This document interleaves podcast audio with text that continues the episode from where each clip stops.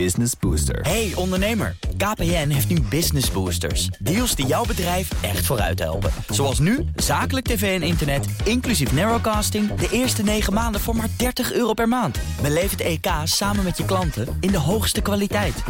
Kijk op kpn.com slash businessbooster. Business Booster. De column van Jaap Jansen. In 2017 liep de Duitse kabinetsformatie vast omdat de liberalen er geen vertrouwen in hadden. Hun leider Christian Lindner had van Angela Merkel geëist dat ze het strenge Nederlandse beleid voor Europa zou overnemen.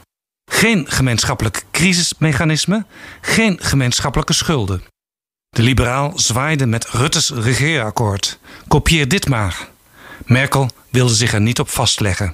De Duitse liberalen verlieten de onderhandelingen en keren pas nu, vier jaar later, weer terug. Bij het vertrek van Angela Merkel als bondskanselier is Mark Rutte de verliezer. Voor de tweede keer al, sinds Nederland door Brexit de Britten verloor. Nederland had altijd een comfortabele positie in de driehoek Frankrijk, Duitsland, Verenigd Koninkrijk.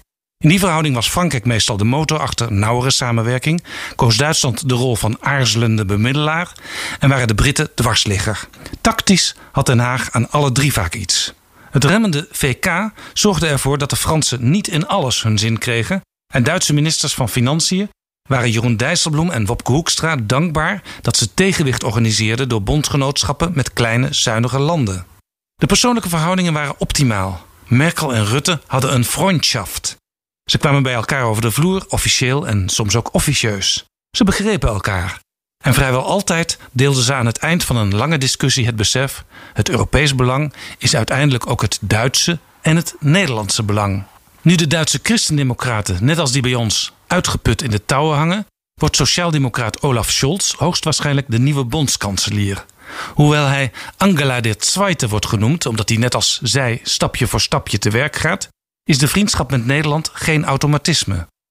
In het hoogste echelon is de beste relatie van Rutte nu die met Emmanuel Macron, de Franse president.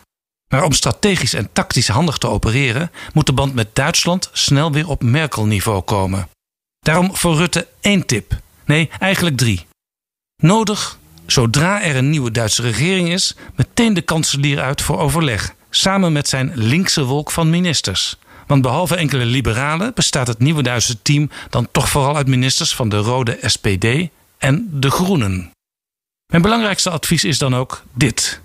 Hef in Nederland die rare ban op gezamenlijke kabinetsdeelname van Partij van de Arbeid en GroenLinks op en zorg ervoor dat tenminste de partijen die in Duitsland de regering vormen dat ook in Nederland doen. En schiet een beetje op. In Duitsland willen ze immers voor kerstmis een nieuw kabinet hebben.